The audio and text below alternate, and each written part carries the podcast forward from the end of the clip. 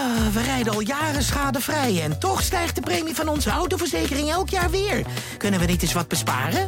Genoeg van dat stemmetje in je hoofd? Even Independeren. Daar word je altijd wijzer van. Vergelijk nu en bespaar. Welkom bij Independer. Ik wist niet wat ik hoorde. Mijn man? Porno? Ik wist niet eens dat hij daar belangstelling voor had. Welkom bij aflevering 10 van Mijn Geheime Verhaal. Leuk dat je luistert. In deze podcast van Margriet hoor je de waargebeurde verhalen van vrouwen zoals jij en ik. Verhalen die deze vrouwen niet aan de grote klok hangen. En als je ze hebt beluisterd, snap je waarom. Dit keer het verhaal van Nathalie, wiens man werd ontslagen omdat hij op zijn werk naar porno keek. Wat heb ik meegeleefd met Linda de Mol toen uitkwam hoe haar Jeroen zich had misdragen? Ook mij is iets dergelijks overkomen. Anders, minder erg en minder publiekelijk, maar toch.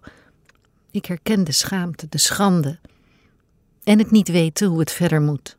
Ben er bijna aan onderdoor gegaan.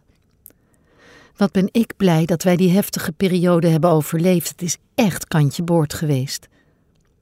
Tot het gebeurde hadden we alles prachtig voor elkaar. Een huwelijk volgens het boekje, met twee kinderen, tieners. Hoewel ik altijd was blijven werken, was Koen degene die het meeste geld binnenbracht. Hij had een baan bij een groot bedrijf waar hij doorgroeide naar een prachtfunctie en elk jaar een dikke bonus ontving. Op een middag werd er aangebeld door Anton, een collega van Koen, tevens zijn goede vriend. Anton had rode vlekken in zijn gezicht. Ik moet met je praten, zei hij. Aan de keukentafel vertelde hij dat Koen op staande voet was ontslagen vanwege porno kijken op het werk. Na twee waarschuwingen was kennelijk nu de maat vol. Ik wist niet wat ik hoorde. Mijn man? Porno? Ik, ik wist niet eens dat hij daar belangstelling voor had. En waarom vertelde Anton mij dit? Waar was Koen zelf? In een hotel hoorde ik. Hij was te erg van slag om thuis te komen en als de dood dat ik woedend zou zijn. Dat was niet het goede woord. Ik was verbijsterd, met stomheid geslagen.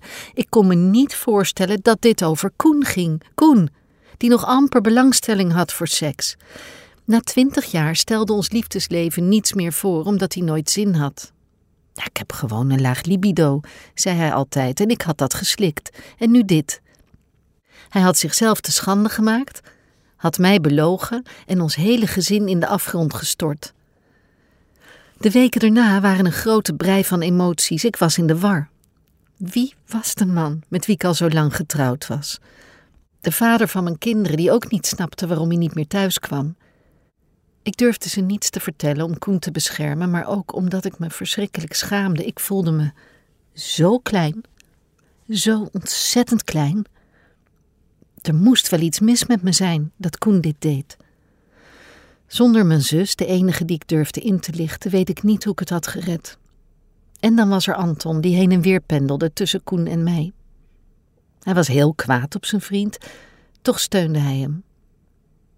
Hij nam als eerste het woord verslaving in de mond, herhaalde steeds dat ik het gedrag van Koen niet op mezelf moest betrekken. En hij was erbij toen ik met Koen afsprak, vijf dagen na zijn ontslag. Toen ik mijn man zag, grauw en afgevallen, had ik opeens zo met hem te doen dat ik wist: ik ga hem niet in de steek laten.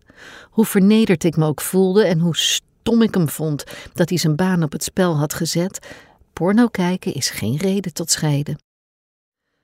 Er volgde een tijd van heel veel praten, ook bij een seksuoloog. Koen bleek inderdaad seksverslaafd te zijn, al jaren.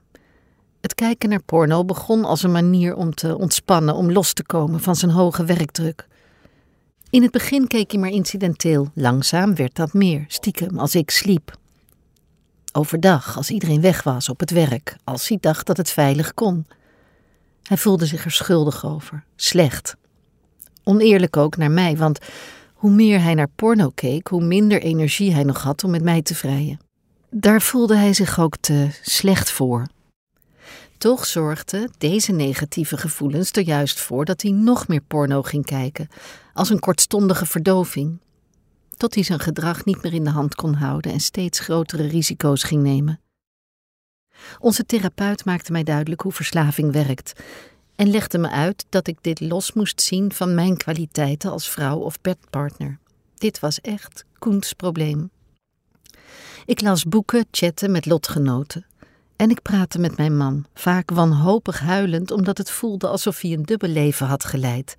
En ik me afvroeg of we de afstand tussen ons nog wel konden overbruggen. Toch vonden we elkaar keer op keer. Vooral omdat Koen echt bereid was iets aan zijn probleem te doen en me duidelijk wist te maken dat hij mij voor geen goud kwijt wilde. Maar ondertussen vloog ons spaargeld er rap doorheen. Toen Koen wel weer aan het werk ging, was zijn salaris zo'n stuk lager dat ons huis in de verkoop moest.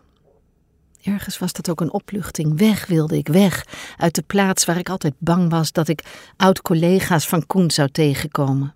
En waar misschien wel veel over ons werd geroddeld. En hoewel we verhuisden met de staart tussen onze benen, is het daarna alleen maar beter gegaan. Ook met Koen, die na lange therapie van zijn verslaving afkwam. Porno kijkt hij nooit meer, zegt hij, en ik geloof hem. Hij beseft echt wel hoe gevaarlijk het voor hem is. Hij heeft andere manieren gevonden om met spanningen om te gaan. En samen? Samen zijn wij hier supersterk uitgekomen. Koen was altijd zo zelfverzekerd, dat zorgde voor een muur om hem heen. Nu durft hij kwetsbaar te zijn en dat maakt hem een fijnere man. Zelfs ons liefdesleven is hersteld. Al met al was het een lange weg die ik niet graag nog een keer zou afleggen. Maar Koen was het waard om voor te vechten.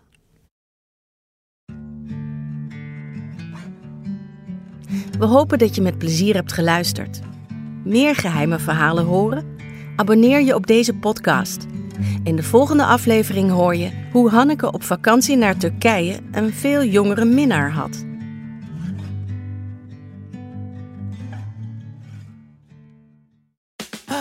Rijden al jaren schadevrij en toch stijgt de premie van onze autoverzekering elk jaar weer. Kunnen we niet eens wat besparen? Genoeg van dat stemmetje in je hoofd? Even Independeren. Daar word je altijd wijzer van. Vergelijk nu en bespaar. Welkom bij Independer.